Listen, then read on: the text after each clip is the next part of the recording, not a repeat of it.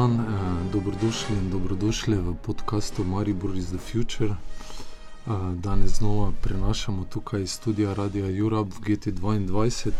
Odpiramo zanimivo temo filmske vzgoje in delavnic za mlade in otroke.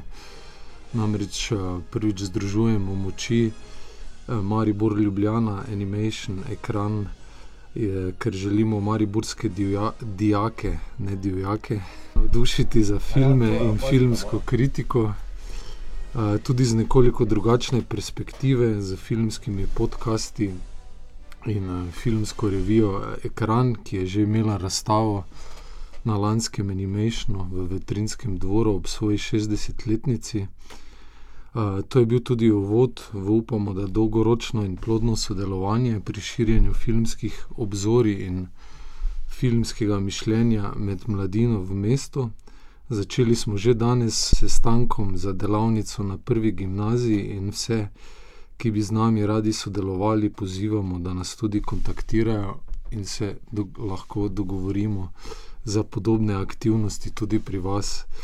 Uh, ob tej priložnosti smo v studio povabili uh, tri sogovornice, uh, Hanno Repše, uh, programsko vodjo uh, festivala Animation. Pozdravljeni. Zdravo. Uh, Anjo Banko, ki uh, dela na Radio Student, ne, temno zvezdo in uh, tudi sodeluje z festivalom Kino Trip v Ljubljani. Živijo in Ano Šturm, urednico uh, revije Ekran, ki uh, je zdaj znova obudila lani uh, delavnico, uh, kultno delavnico filmske kritike, ki se zdaj imenuje Do zadnje besede. Zdravo. Uh, hvala, da odpiramo to pomembno temo. Uh, mogoče za začetek malo bolj splošno vprašanje. Kako drugače je delati filme, festivale, filmsko kritiko z otroci in mladimi, v primerjavi z odraslimi, kakšni so vaši pristopi, izkušnje? Okay, uh, torej, animation dela res z različnimi starostnimi skupinami, ampak fokus imamo predvsem na otroke in mlade, se pa pridružujejo tudi odrasli. Zdaj, če bi rekla, kakšna je razlika med otroci, mladimi in odraslimi, je predvsem ta, da o, otroci pokajo od radovednosti in raziskovanja in si upajo biti ustvarjalni, medtem ko je pač starejše treba malo bolj spodbuditi v to, da je v redu karkoli naredijo, da nimajo tega zadržka, jaz ne znam risati ali pa jaz ne znam slikati. Namreč mi delamo animirane filme, se pravi, smo zelo povezani o, tudi s temi ročnimi spretnosti. In, uh, ampak, pač, ko jim razložim, da animirani film ni samo to, ne, da je pač ena sličica, samo del 24 sekunde. Uh, potem to počasi pač sprejmejo. Tako da iz tega vidika produkcije animiranega filma je tu največja razlika. Uh mhm. -huh. Kako ja, je s festivalom? Ja, zdaj festival Kinotrip je namenjen srednjošolski populaciji, to se pravi dijakom med 14 in 18 letom. Um, in kar je mogoče um, specifika uh, tazga načina dela, je uh, pravzaprav nekako. Um, Odpiranje poti uh, in pač spodbujanje mlad, mladih, da izrečejo svoje poglede. Um, pravzaprav je izziv ustvarjati uh, tako okolje, da se počutijo uh, čim bolj sprejete. Um, in ko enkrat, um, pravzaprav zelo hitro, no, se zgodi, da se prebije ta zid uh, v skupini, tako med posamezniki, kot potem med uh, v bistvu obema mentoricama. Kinotrip uh, je sicer uh, nekako idejno zasnovala in vodi živajo rančič v kinodvoru. Um, in v bistvu je potem predvsem um, zelo večji izziv, morda na strani odraslih, uh, v smislu, uh, da znaš nekako poslušati, prisluhniti in potem. Zdaj bom rekla tako besedo, skalibrirati uh, v bistvu želje mladih uh, v realnost na nek način. Uh, ampak uh, ta dialog, problem dialoga je v bistvu res večkrat na strani odraslih. Tako da moram, se mi zdi, da imamo mi več dela kot mladi, ki pa jih tako pokajo od želje, ideje in energije. Tako. Ja, glede uh, filmsko-kritiške delavnice do zadnje besede, ki je nekako nasledila zelo kultno ekranovo delavnico Mala šola pogleda, ki sem jo obiskovala tudi sama. Uh, zdaj, lani smo to delavnico izvajali prvič in uh, izvajali smo jo za dijake uh, višjih razredov, torej, uh, in pa z, predvsem za študente. Zdaj, glede na to, da gre v bistvu za neke kar zahtevne vsebine, smo se letos, ko bomo s to delavnico nadaljevali, odločili, da jo fokusiramo predvsem na študentsko populacijo. Um, se mi pa zdi pri tej delavnici pomembno to, da predstavlja možnost vstopa v profesionalno okolje, torej um, stik s tem. Pač, če bi to nekoč želel početi, da v bistvu dobiš, v bistvu odpiramo vrata v to, da ljudje oziroma študenti spoznajo uh, ljudi, ki delujejo na tem področju, ki jim lahko mogoče pomagajo pri vstopu na to področje, kar se mi zdi um, zelo pomembno, da jim v bistvu ponudimo. Um, je pa tako, ja, da uh, zdaj, glede na način, na katerega mi. Uh, kot prekarci delujemo in živimo, se mi zdi, da med nami in študenti ni prav velike razlike v nekem načinu delovanja, razmišljanja. Tako da uh, se mi zdi, da smo si na nek način kar zelo blizu lahko. Um, da smo tudi oboji uh, zelo odprti za neke izmenjave. Um, mene vedno fascinira to, no, kako se v bistvu tudi mi uh, vsakič lahko naučimo od mladih. Ja, to je tudi naslednje vprašanje. Ja. Koliko ste se kot mentorice same pri delu z mladimi naučile, koliko je treba biti pri tem odprt, fleksibilen. Namreč medij filma se tudi skozi spreminja ne, in tudi načini gledanja filma, ki so verjetno pri tej generaciji že malo drugačni kot pri naši. Ja, res je. Um... Mislim, da se svet zdaj res tako hitro spremenja, um, da je kar um, izziv slediti vsem novostim, sploh na nekem tehnološkem področju. Ampak hkrati pa se mi zdi, da ene stvari pa vseeno vse čas ostajajo iste.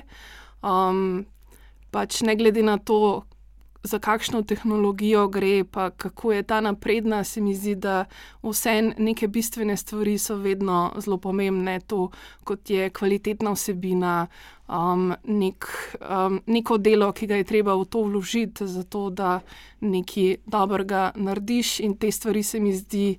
Um, se pač nikoli ne bojo spremenile. Če ti hočeš narediti nek dober izdelek ali pa nekaj odnes od tega, moraš pač vložiti v to delo, uh, raziskovanje. Um, tako da se mi zdi, no, da tehnologija nam je lahko tukaj zelo v pomoč, ampak uh, brez nekega vloženega dela, uh, sa, samo se nič od sebe ne zgodi. No, in se mi zdi, da je to tudi zelo pomembno, da neke te stvari komuniciramo. Tudi recimo pri pisanju se mi zdi. Um, Oziroma, ok, tvoje vprašanje je bilo predvsem, uh, kaj se mi naučimo od mladih. Meni je vedno zelo zanimivo uh, slišati, na kakšen način oni razmišljajo o filmih, um, kaj recimo oni odnesejo od posameznih vsebin, kaj so tiste stvari, ki jih nagovarjajo, kaj so tiste stvari, ki so jim blizu. Ker na ta način nekako dobiš v pogled v to, kaj njih zanima, kaj je za njih pomembno, in se pač seveda temu na nek način tudi pri snovanju svojih vsebin pol. Um, Seveda poskušaš čim bolj približati, da tudi oni delajo pač neke stvari, ki so jim blizu, uh, ki tudi jim samim nekaj uh, pomenijo. Se mi pa zdi zelo pomembno tudi to, no, da um, jih spodbujaš, res, um, da tukaj. Mislim, se mi zdi, da v naši družbi imamo predvsem to ideologijo, da je nekaj treba narediti res perfektno.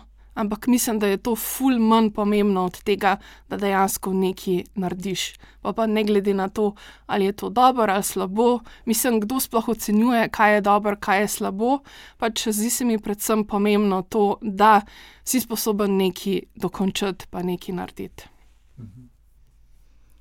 Ja, jaz bom mogoče uh, nadaljevala iz točke um, tega dialoga, pa odpiranja prostora, ker mogoče sam da povem, kaj je kinotrip. Kinotrip je v bistvu, ja, kot so imela program za mlade, za srednje šolce, ki pa v bistvu omogoča pač vsako letno skupini um, mladih, da ustvarijo cel festival. To se pravi, dogaja se v kinodvoru, v Ljubljanskem mestnem kinu um, in polet je nekih 14 dni filmski klub, kjer um, pač mentorice obe dve zbereva filme, ki si jih potem mladi, recimo nekih 20, ogledajo in potem uh, zberejo um, nekaj od teh filmov za uh, oktobrski festival, uh, ki je bil letos, oziroma pardon, zdaj že lani, sedmi po vrsti.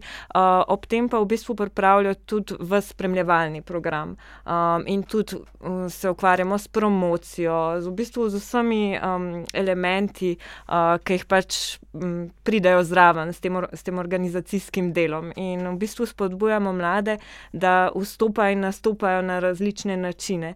Um, v prvi točki je to seveda pač neka debata, nek. Um, v bistvu način, da se pač prepustiš filmom in predvsem, recimo, en tak moment je se mi zdi ta, um, ta neka izguba strahu. Uh, kaj si zdaj drugi mislijo, kaj bom jaz rekel? Vedno rečemo na začetku, pač ni treba poznati uh, filma, ni treba poznati filmske zgodovine, pa tudi v kino, ni nujno, da si hodil prej v full kino, pač prideš tja in se nekako prepustiš vsebini, interakcijam, uh, idejam, ki prihajajo z vseh strani in v trenutku, v bistvu, ki zgubijo pa se zgubi na vseh točkah ta trenutek nekega sramu ali pa strahu, se v bistvu dogaja lahko lepe stvari. Um, jaz sem vsakeč navdušena, kako se mladi pravzaprav znajo tudi poslušati med sabo. Sploh te debate po filmih, ki se načeloma ukvarjajo z nekimi tematikami, ki so mladim blizu, vprašanja identitete, prihodnosti, uh, svetovni problemi skozi oči večinoma mlajših junakov in um, v bistvu pronicljivost uh, misli in idej, ki jih pač zaznajo in prevzemajo iz filma, mislim, da sem samo vsako leto wow. Uh, jaz se fulno učim od njih, um, predvsem res te strpnosti, no, ker mogoče ne vem, je to potem v odraslem svetu tako, da malo zgubljamo potrpljenje ali je mogoče tudi uh, naša dediščina odraščanja pač bila malo drugačna. Uh, ampak ja, no, predvsem to, če se ti, če, da odgovorim na ta del vprašanja, kaj se naučimo od mladih. No, Okay.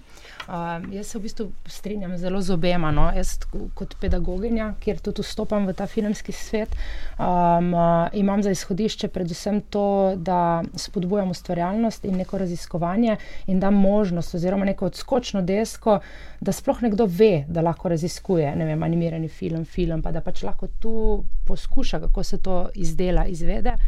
Uh, in včasih nastane boljši rezultat, včasih malo slabši. V resnici je ta pot, ne, ki, katero v resnici skupaj raziskujemo. Ne, nimam nekakega, imam približno začrtan plan, ampak moj pristop je predvsem ta, da sledim. Kako hitro se pač udeleženec razvija. Pa to zdaj, ne glede na starostno stopnjo, se mi zdi, da je pač povsod to pomembno. Ker tudi, če je nekdo odrasel, je veliko krat začetnik, tako kot otrok, samo pač malo drugače je treba te trampoline postavljati. No.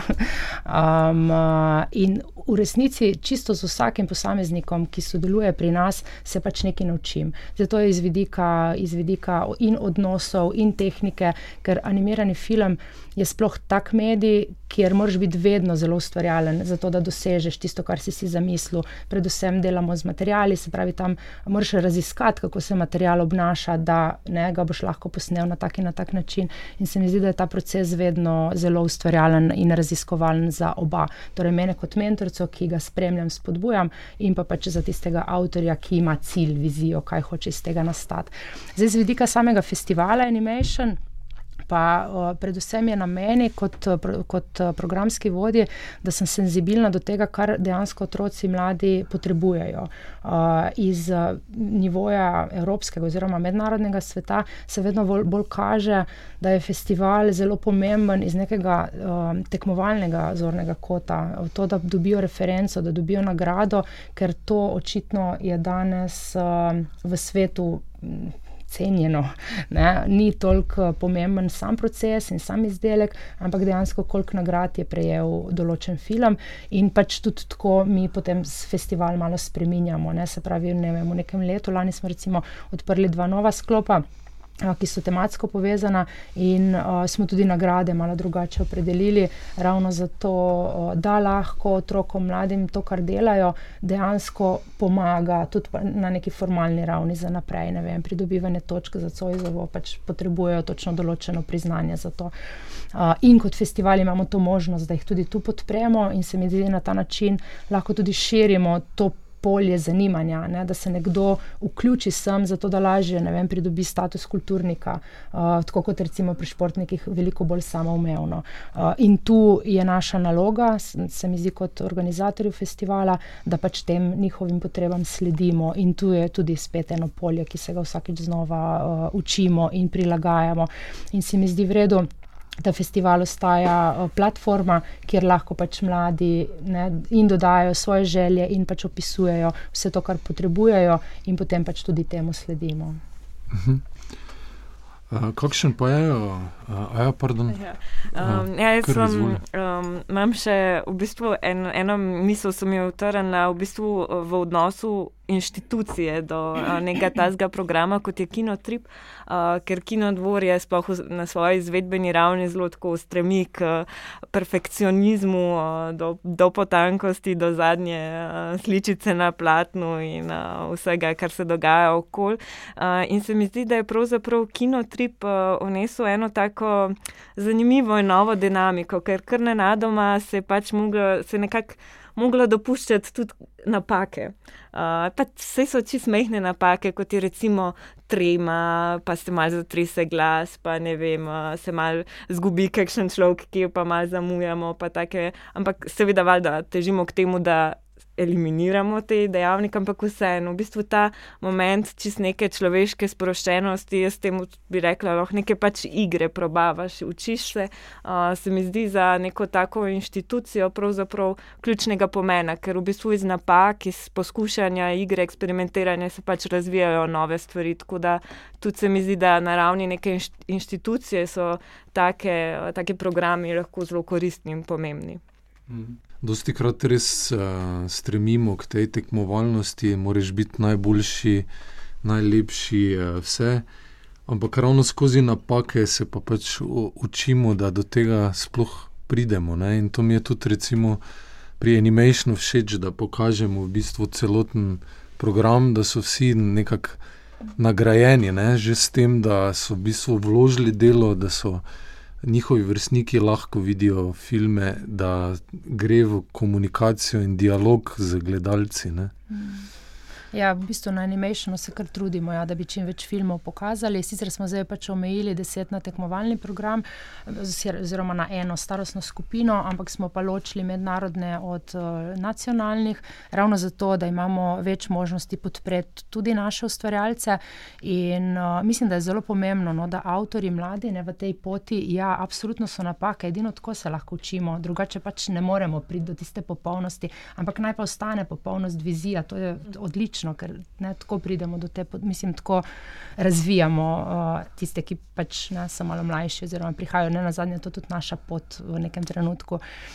Um, uh, in animation se trudi, ja, da, da jim pač ponudi to možnost, da lahko na velikem platnu sami gledajo svojo produkcijo, pokažejo tistim, ne, ki jih poznajo, svojo produkcijo. Uh, in mislim, da je to pomembno, mm. tudi če ni popolno. Kakšni pa so odzivi mladih in otrok na to, da gledajo svoje filme, da um, se vidijo na platno? Ja. Ja, zdaj tu vidim dve stvari. Ne. Eno je to, da ja, avtori, ki pač vidijo svoje filme na platnu, to jim je sigurno veliko zadovoljstvo. Osebno bi si želela, pač, da ne, je za to v Mariboru dobimo tudi filmsko dvorano, ki bo vzdušje še bolj podkrepilo, ker večnamenske so odlične, ampak ne, niso še popolne. Um, zato, da pač celostno doživetje te dvorane pač vseeno podkrepi tudi ta film. Uh, ampak otrokom in mladim to veliko pomeni, mogoče celo bolj mladim, ker otroci se še ne ukvarjajo, uh, ni, ni, nimajo še uh, tako razvite, no, ali pa razvite, ni jim to toliko pomembno. Si, se jim je fajn videti, ampak mogoče na neki bolj nezavedni ravni. Medtem ko mladi pa že z drugega zornega kota gledajo svoje dela na velikem platnu.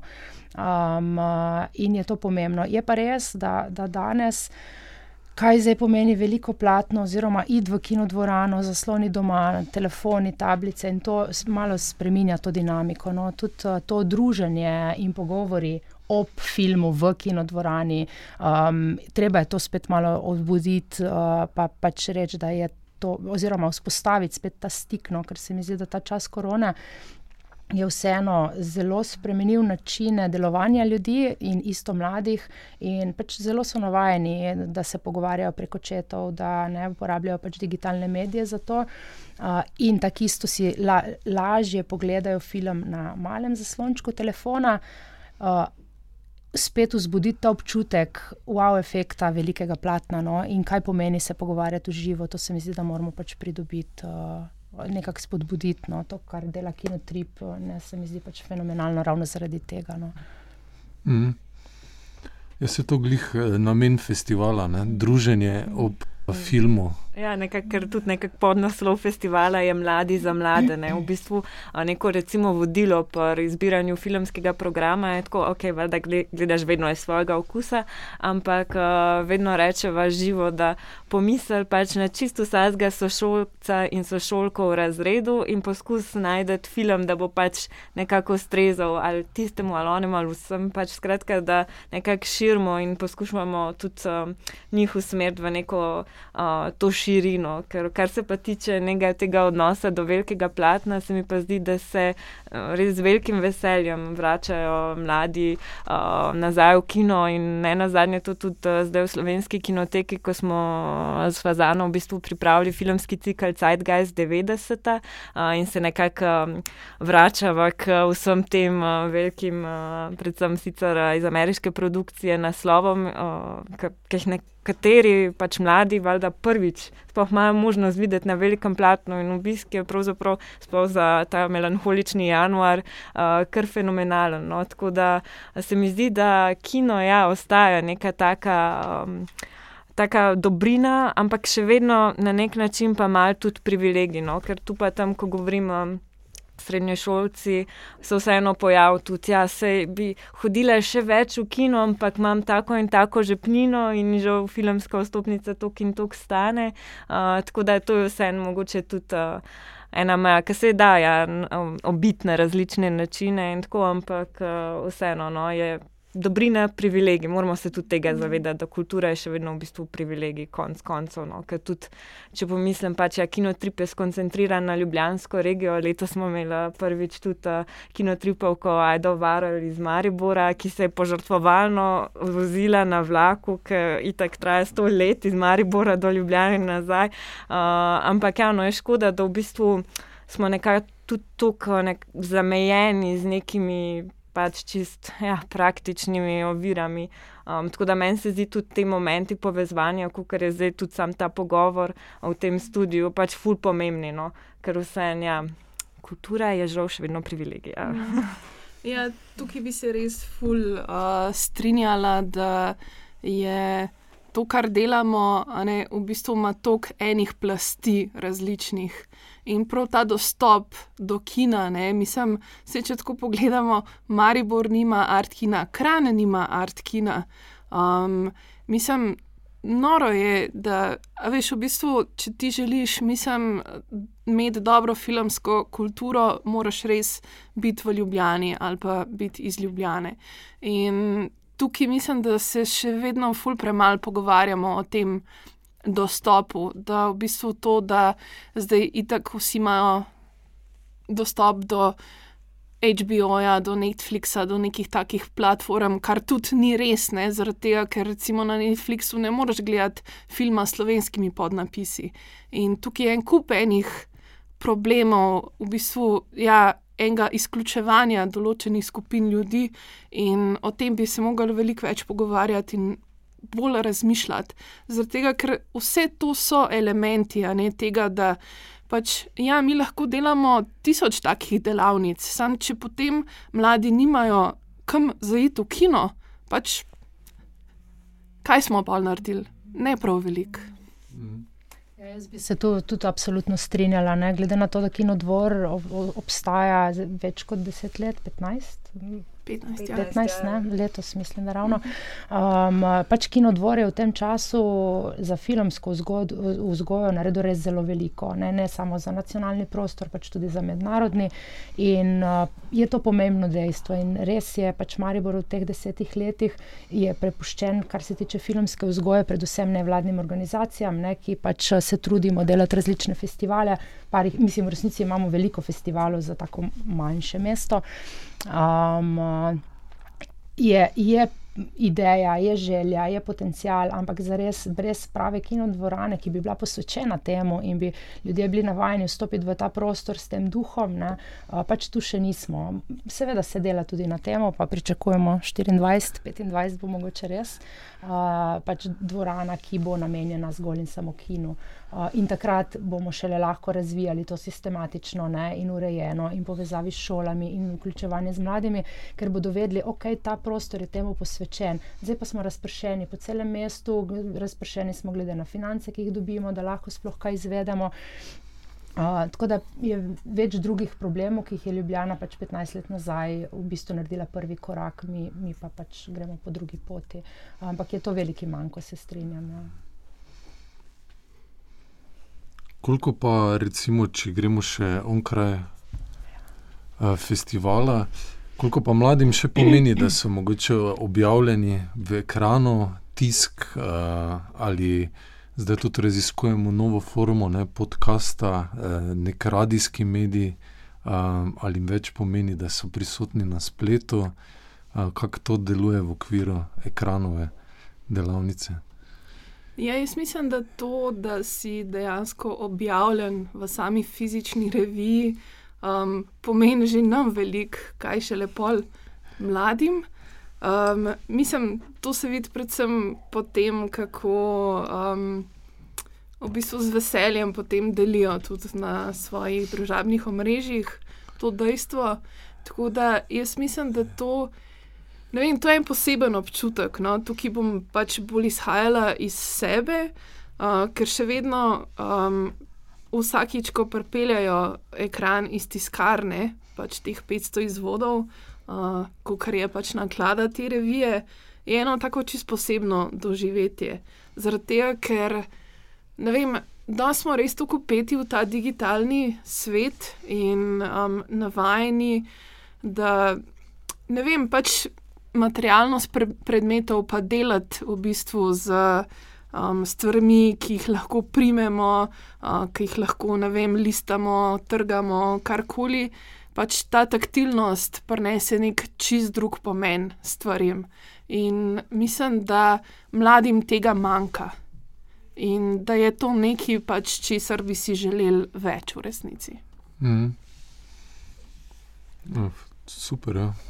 Mogoče bi samo še dodala, da um, se mi zdi tudi um, super, da te um, ekranove filmsko-kritiške delavnice nekako spet um, spodbujajo ta element pač pisanja, ker se mi zdi, da uh, se tako recimo tudi pri kinotripu, ker morajo recimo napisati manjše opise filmov, pa tako je vedno tak nek spet ta strah. A jaz pa znam pisati, da bom dovolj dober, ne vem, včasih imam občutek, da jih te šolske eseji zatraumirajo v nulo. Uh, Vse so nas vse, ne? v bistvu res. Ja. In uh, se mi zdi v bistvu super, da nekako vse vem, da se mediji, pa svet, pa vse spremenja, ampak uh, ta nek, um, nek temelj. Uh, Pisane, zapisane besede se mi pa zdi nekako super, da nekako poskuša, sploh recimo ta način takih delavnic, um, postaviti v neko drugo lučno in spet nekako rekla, razbiti strah, mm. uh, ki se pojavlja okoli tega načina izraza. Um. Ja, vsem se mi zdi, da pisanje je nek tak temelj, iz katerega izhaja pa tudi vse ostalo. Mislim, to, da ti znaš svoje misli pač preliti v neko obliko izraza. Um, mislim, da pisanje je res, se mi zdi, ta neka osnovna, bazična raven, iz katere potem vse ostale nekako rastejo naprej. Ja, ne, na zadnje tudi scenarij za film, mora mm. biti za podcast. za oddajo, kaj si mislila dodati? Ja, ja, sem mislila, jaz sem pač likovnica. Ne, tako, da, tako da pisanje mi sploh ni osnova, ampak vse gre v, v skicah, na črtih. Uh, in me je bilo tudi zelo zanimivo, ker ne, animacija kot zelo likovna uh, veja filma je v resnici ni nujno, da je film. Mm. Pač imamo toliko eksperimentalnih animacij, uh, ki se pojavljajo v galerijskem prostoru, tako da tu lahko imamo full debat o tem. Uh, in moje izhodišče je vedno prej risba kot beseda. Samo to. Ja, si, uh, mogoče je tudi mal poanta v tem, da. Um, Tudi vsi pisanje pač razumemo zelo kot neko tako linearno, ne, od vem, leve proti desni, pač z neko strukturo, ampak mislim, da je tudi znotraj tega velikega prostora za eksperimentiranje, ki um, je še zelo neizkoriščeno. No? Tudi pri ekranu probujemo spodbujati čim bolj različne uh, žanre pisanja, stile, um, dialoge, pač pesmi, karkoli. Ampak v bistvu včasih se je res težje odnaučiti ene stvari, kot pa naučiti. Tako da mislim, da je ta koncept uh, tega, da bi se odnaučili enih uh, stvari, uh, ki nam jih res um, vse čas turijo v glavo, um, nekaj, s, s čimer se bomo še veliko ukvarjali v prihodnosti. Mm. Pa jaz bi mogoče to poudarila, no, da izražanje, to, da si sploh upaš nekaj povedati, mm. ne, ali je to kritično ali ni kritično, že to, da si upaš svojo misel povedati, se mi zdi nekaj, kar je vredno spodbujati in to v vsakršnem mediju. Mm. Bodi si radio, da pač na ta način poveš to, kar te zanima, kar te pač integrira, uh, ali v filmu, ne, igranem, dokumentarnem, animiranem, ali v besedi, ali v poeziji si v bistvu samo to, da, da, spodbud, da spodbujamo, da obstajajo te, te možnosti za izražanje. Mm. No? In to, to mislim, da so potem mediji lahko zelo povezani med sabo, ker danes pa so prepleteni. Pač, ne, Zelo se, se poslužujejo drug drugega, ja. no, kjerkoli. In tukaj je v bistvu tudi ravno ta razlika, ne, um, ali je nekaj v tiskani obliki in bo ostal uh, verjetno ne za veke, vekoma, ampak vsekakor za zelo dolg čas. Nekaj, kar je na internetu, pa lahko zelo hitro zgine. Ali pa ne vem, si nekdo premisel, pa pač to enostavno lahko zbriše. Medtem ko če je pa objavljeno v neki taki reviji, pa to pač ni mogoče. Tako da so to neki teksti, neki zapisi, ki, za katere je mogoče treba malo več um, poguma, nekega angažmaja. Ampak, uh, ja.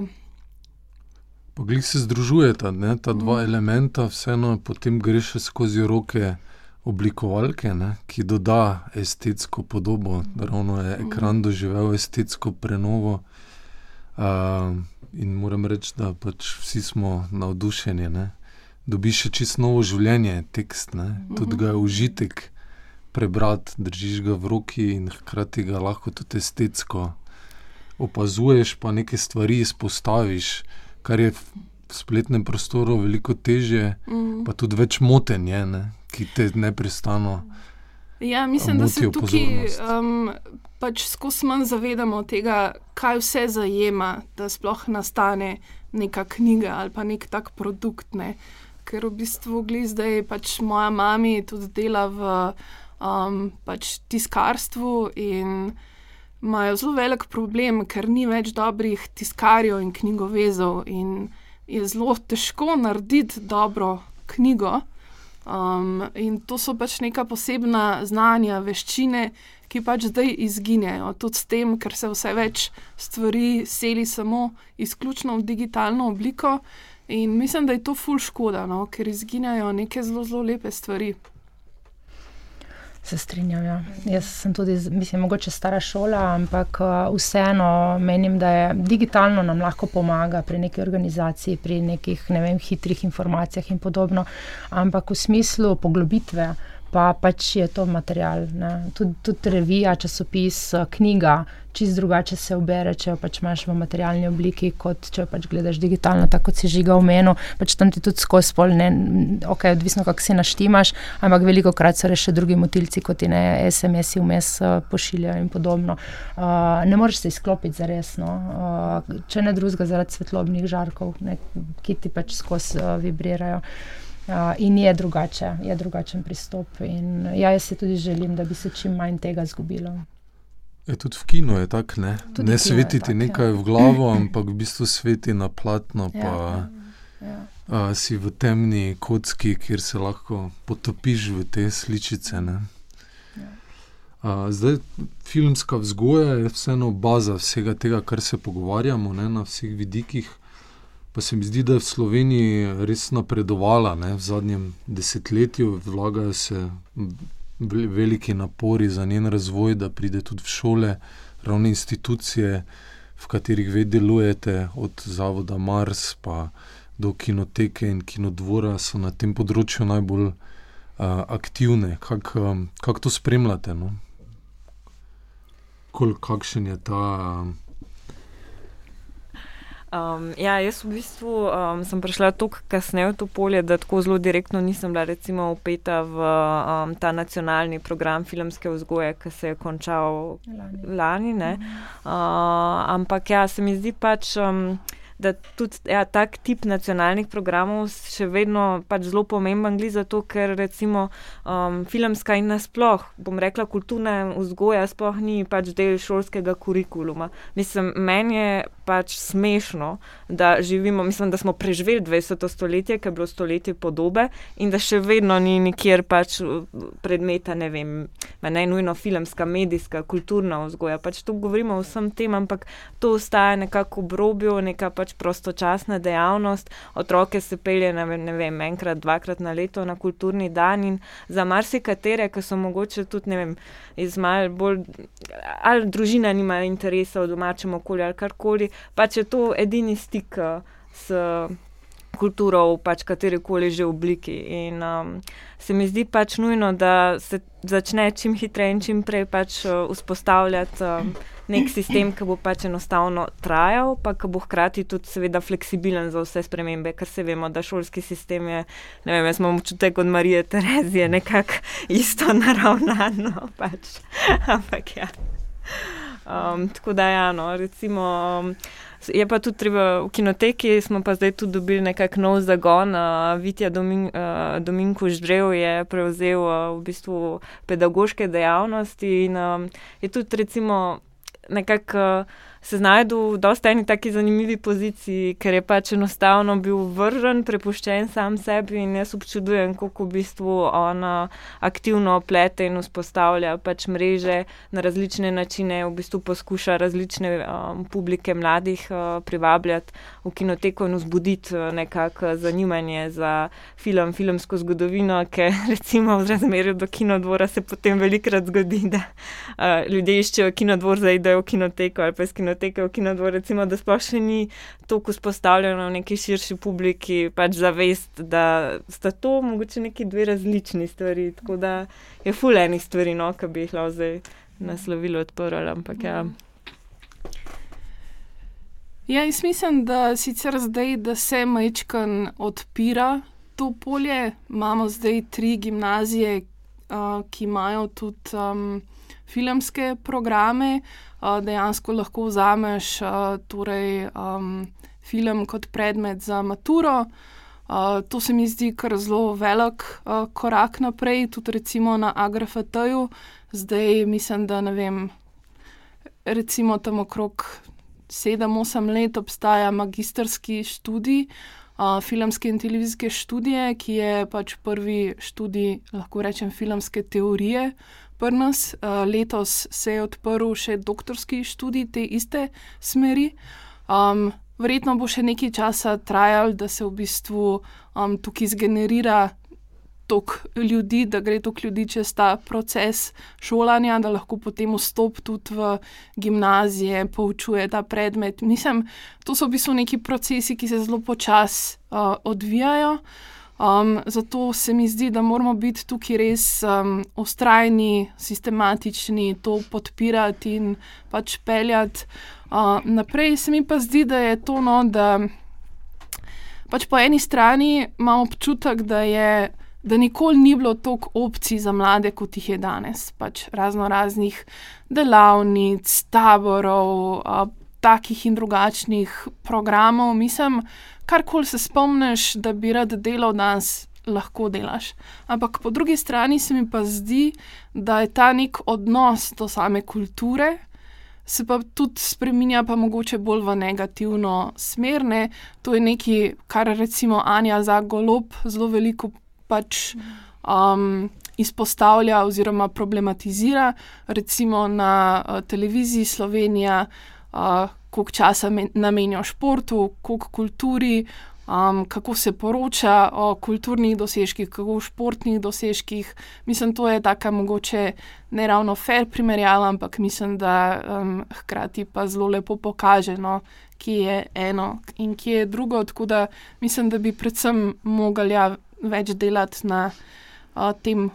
Odnosu do, do kulture, tudi do kulturnih vsebin, pa um, ja, zakaj je to pač pomembno.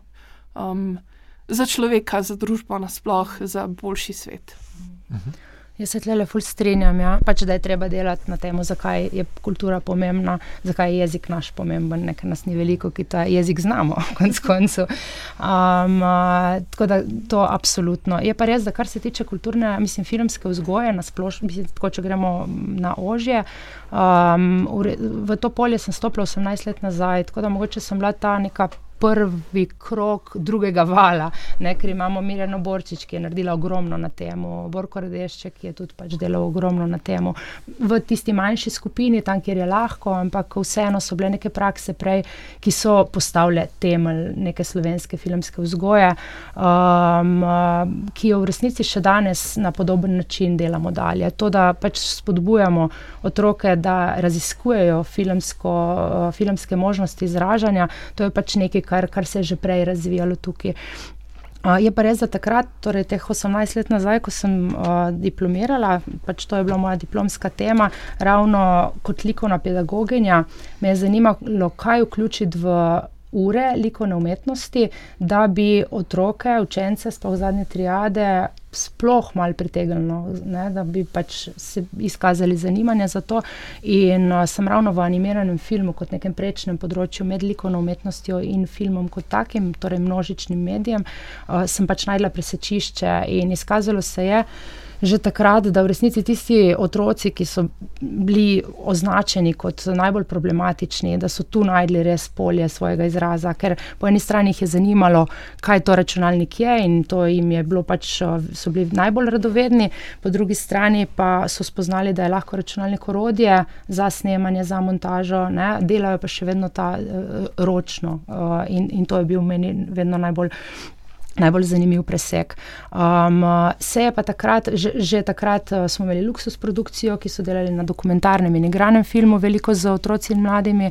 Um, Ampak na področju animiranega filma se je pa takrat z Društvom Slon, oziroma ne, z programom Slon, pa potem malo kasneje z Animationom, pa zdaj imamo Dagiba, pa Zvix. Tako da v bistvu se je veliko posameznikov odločilo, da stopi v to polje filmske vzgoje in da ponudi možnosti raziskovanja na področju animiranega filma. Ne na zadnje v Mariboru, v Mariboru imamo tudi Film Factory, ki pač organizira film Smuti z igranim filmom. Tako da smo posamezniki praktično po celi Sloveniji. Sloveniji, eh, ki izvajamo to vrste, oziroma ponujamo sploh možnost, da se lahko otroci in mladi s tem ukvarjajo.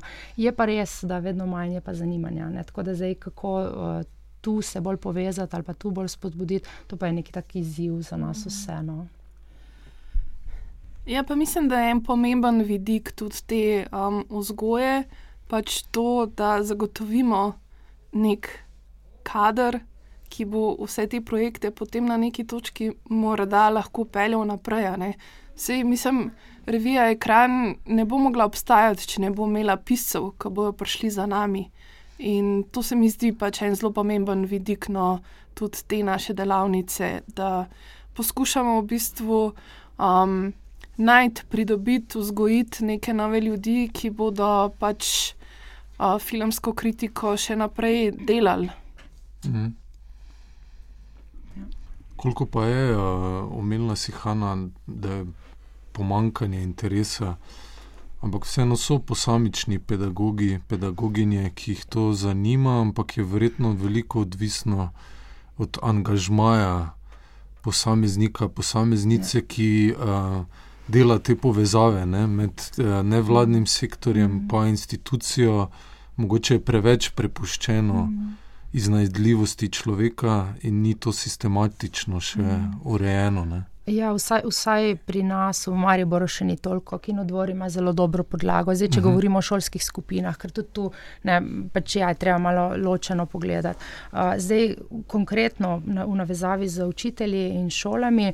Uh, Razen to, da res imamo zdaj učne načrte za um, izbirne vsebine, kjer smo tudi se dvignili na poprečju ne, evropski, da, da imamo več ponudbe za film uh, na, na neki formalni ravni.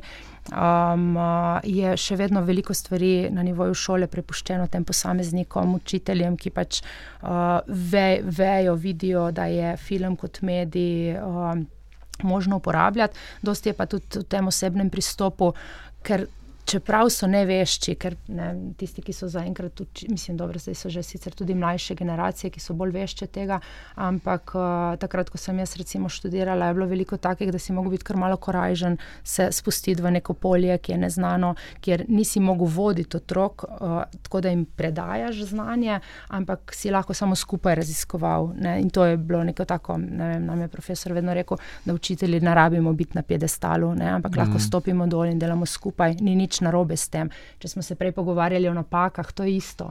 Pač vse stremimo k neki popolnosti, ampak tudi mi smo sami ljudje, ki pač in bolj ko smo korajžni, bolj ko si upamo delati napake in se zavedati, da s tem rastemo, bolj bomo odpirali to polje. In to je isto pri učiteljih. Če se učitelji tega zavedajo in imajo takšen pristop, Pol marsikdo posega po filmu in si upa tudi vprašati nekoga drugega izven. Šole so tudi dosti krat omejene, seveda, s finančnimi sredstvi, tako da tudi tu morajo biti učitelji malo korajžni in zagovarjati. Ampak pač ja, so taki, obstajajo. Zdaj, če je pa to malo bolj sistematično urejeno in podprto, kot je recimo v Ljubljani, so pa to spet druge poti. Ne? To je, ko govorimo za šolsko skupino med posamezniki in mladimi, tam pa pač je treba na drugačen način pristopati. Uh, in jih spodbuditi, da pridejo in ne, da vzamejo stvari v roke. Mm. Kakšno so pa urodja, mogoče pedagogi in pedagoginje, ki poslušajo a, ta podcast, ali jih to zanima, na koga se lahko obrnejo, kje najdejo materijale. Vem, da so tudi ta a, nacionalni program za filmsko vzgojo, ima tudi platformo, kjer so pedagoške gradiva, kjer se zbirajo tudi pedagoška gradiva, kinodvora, se zbirajo Tako, na spletu. Mm. Kam in na kak način se znajdejo, če ja. želijo več delati v tej smeri? Ja, FOŠ, to je filmska osnovna šola, se pravi to, kar je ne ostal kot, nek, kot neka spletna stran, nek portal iz eh, projektov, dveh velikih projektov, ki so se izvajali preteklih pet let, eh, se pravi razumevanje filma, ki je bil bolj usmerjen za srednje šolce in jih je vodila kinoteka, in pa uh, filmska osnovna šola, ki jo je vodila Art Kino mreža Slovenije. Uh, to so pač združili moči in so ustvarili ta portal, kjer je zbranih veliko člankov, veliko veliko usmeritev, katere filme si lahko gledajo. Tudi filmi so v bistvu dostopni za učitelje, ki se prijavijo, zato lahko v bistvu izven sive cone prikazujejo filme v razredu. Mhm. Um, to bazo imamo. Je pa res, da ko se je ta, ta projekt, oziroma ta dva projekta, ko sta se zaključila, se je pač zgubilo financiranje, kar pomeni, da je zdaj malo uh, vprašanje usode tega. Ne vem, verjetno ste vi dve malo bolj obveščene, kaj se bo zdaj s tem zgodilo, ampak kar jaz vem, zdaj se skupaj malo počiva na tem, kar je nastalo. Um, to so sigurno zelo dobre izhodišča za učitelje, ki bi začeli. Uh, na področju animacije je, nastala, je nastal ta priročnik, uh, animirani film ki ga je Zavod za šolstvo izdal. Um, um, ta, um, no, um, revija Kino ima veliko izhodišč. Ne? Tako da v bistvu najdejo vse informacije, ampak mogoče najbolj na kupu je ravno fošna. Ja, ja, definitivno. Ja, ja, ker so v bistvu tudi recimo, prek tudi vsi kontakti, ne, AKMS, to se pravi pač Artkino mreže Slovenije, so tudi v bistvu se lahko kontaktira v bistvu posamezen učitelj pa kino pedagoge, ki so pač na razpolago in se pač nekako pripelješ na kraj uh, dogajanja in uh, izvedeš v bistvu. Recimo tudi uh, z ekranom uh, smo te filmsko-kritiške delavnice. Um, tudi en tak ideja je bila, da, oziroma eno smo celo izvedeli, da jih prenesemo v šole, to se pravi, pokličejo učitelji, če želijo in izvedemo pač po dogovoru, mm. po dogovoru glede oblike dolžine delavnice tudi v šoli. Do zdaj se je zgodila ena na uh, osnovni šoli, uh, na škofijski osnovni šoli v Ljubljani. Um, in je v bistvu tako, no, dosta tak zanimiv način. Recimo tukaj se mi zdi, uh, če smo prej govorili o teh delavnicah, je pa kar neke vrste izziv, tako mlajše, recimo mm. osnovno šolce, uh, eh, privaditi temu, tem ideji filmske kritike, recimo v pisni obliki. Tako da tukaj recimo tudi se mi zdi še eno veliko polje za, za raziskovanje. Uh, ne na zadnje smo se tudi uh, v okviru uh, jesenske filmske šole, uh, ki je v bistvu uh, teoretski simpozij, uh, filmske kritike in teorije, ja, ki ga zdaj pod vodstvom ekrana se dogaja nekako v slovenski kinoteki, uh, dobili idejo, da bi uh, nekako. Razmišljali o delavnici uh, filmske kritike z nekimi, kaj bi rekla, drugimi uh, mediji, pač v ne tej klasični pisni, radijski obliki. Da, uh, to bomo še videli. Ja. to bi bilo uh, super. Ja, tukaj res mislim, um, ta baza se mi zdi, vsaj za me, je vedno bila kinoteka. Tudi iz tega, ker kinoteka res ni samo kino, ampak kino, kinoteka je pač muzej, um, ki ima svoj arhivski oddelek, ima svoj raziskovalno-založniški oddelek, ima svoj muzejski oddelek. In enostavno v kinoteki je pač zbranega toliko enega znanja tudi obstaja že kar veliko filmske literature, uh, ki jo izdaja uh, slovenska kinoteka, ki je prevedena v slovenščino. Um, tako v kinoteki obstaja tudi specializirana filmska knjižnica. Tako da jaz mislim, da je kinoteka ena taka. Um, ključna, temeljna točka, um, če koga karkoli zanima v zvezi s filmom, da se vedno lahko obrne tja. Um, če ne drugega, so tam ljudje, ki te lahko usmerijo naprej, ki ti lahko pomagajo pri nekem izboru literature. Mislim, da um, ljudje so vedno tam dostopni, pač radi pomagajo. Uh, in se mi zdi, da je mogoče to ena stvar, ki jo mi tudi nimamo še tako ozaveščene so ljudje, ki imajo znanje, sem pač obrnjen, se je treba včasih na, na njih, včasih mogoče koga kaj vprašati, prositi za pomoč, stopiti v stik, in pa se mi zdi, da se zelo hitro lahko ene stvari uh, zgodijo, razvijajo. Um, ne vem, neke nove ideje, neke možnosti. Uh, tako da pač ni, ni težko priti no, do teh materijalov, samo mogoče je treba narediti korak ali pa dva izven te cone obdobja, v kateri mi večinoma časa smo.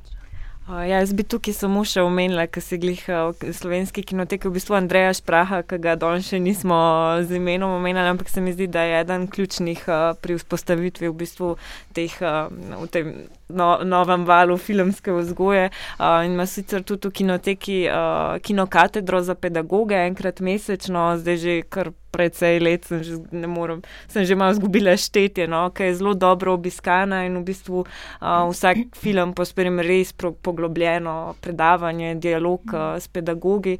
Uh, tako da se mi zdi, da, kot je rekla Ana, na nek način je možnosti res veliko, ne, sam nekako ja, se je treba. Iz nivoja produkcije ima tudi javni sklad za kulturne dejavnosti, te izobraževanja, ki so pač daljša, pa malo bolj poglobljena. Ne.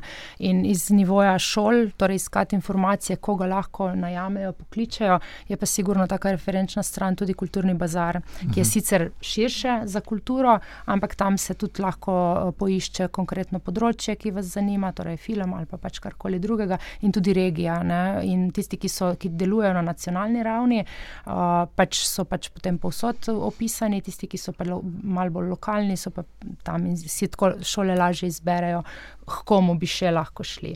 Uh, in v Mariboru se pripravlja podobna stran, ki bo pač bolj lokalna uh, in, in bo pač to. Dodala tudi programe, ki ni nujno, da so čisto potrjeni strani Ministrstva za kulturo, ampak prav tako kvalitetni, no, ker to ima kulturni bazar, ima tu uh, eno sito še, no, ki je pač pomembno, če delamo na nacionalni ravni.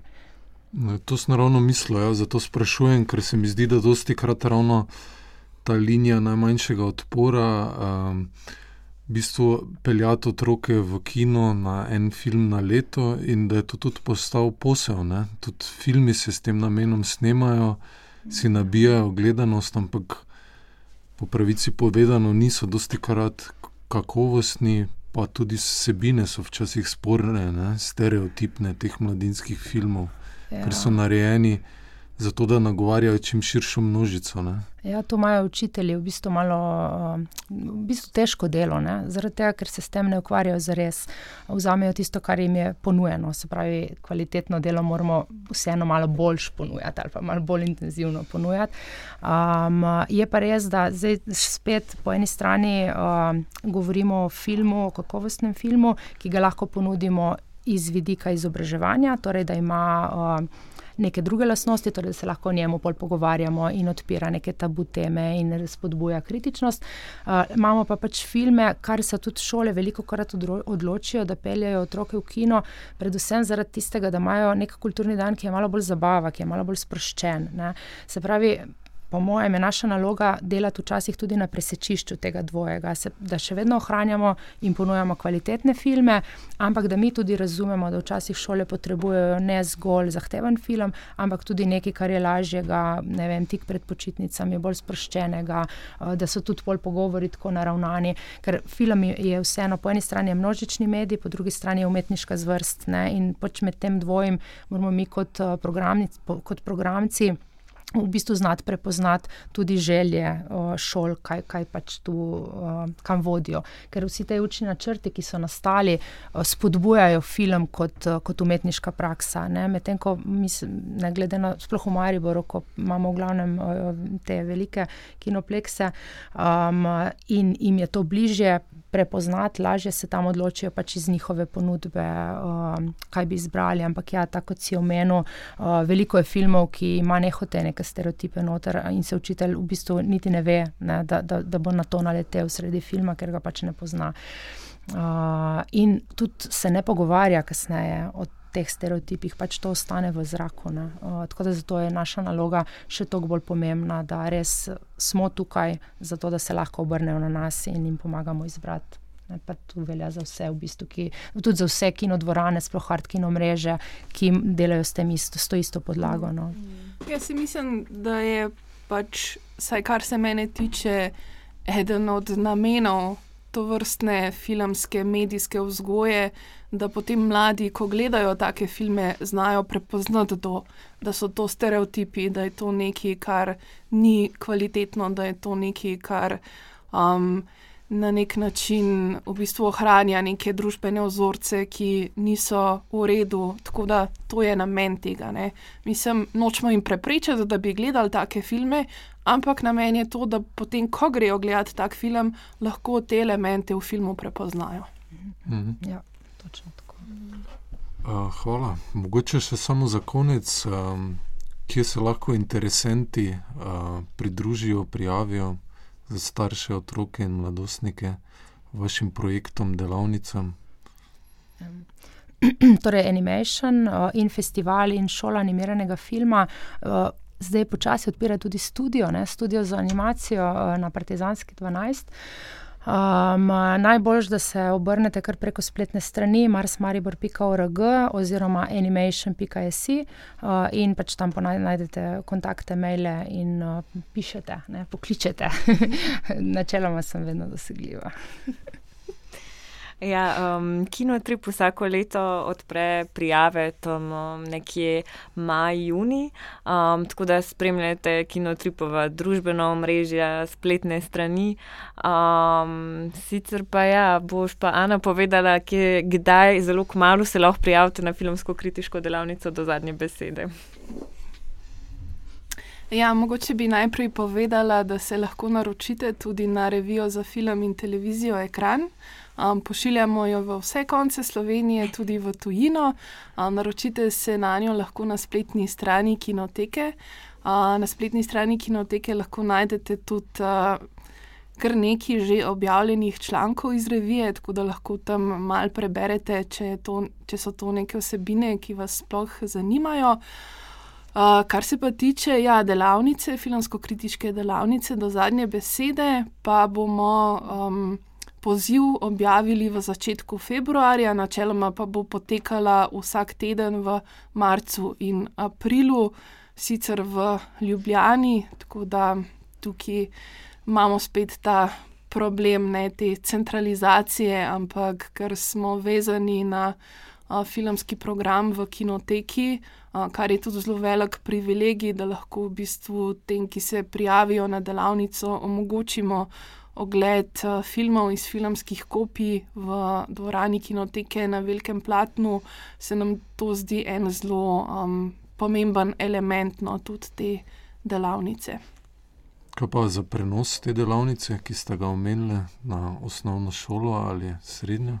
Uh, ja, to se pa obrnete na spet kinotekno spletno stran uh, in sicer je tam en mail uh, za izobraževalni program, to se pravi, poiščete.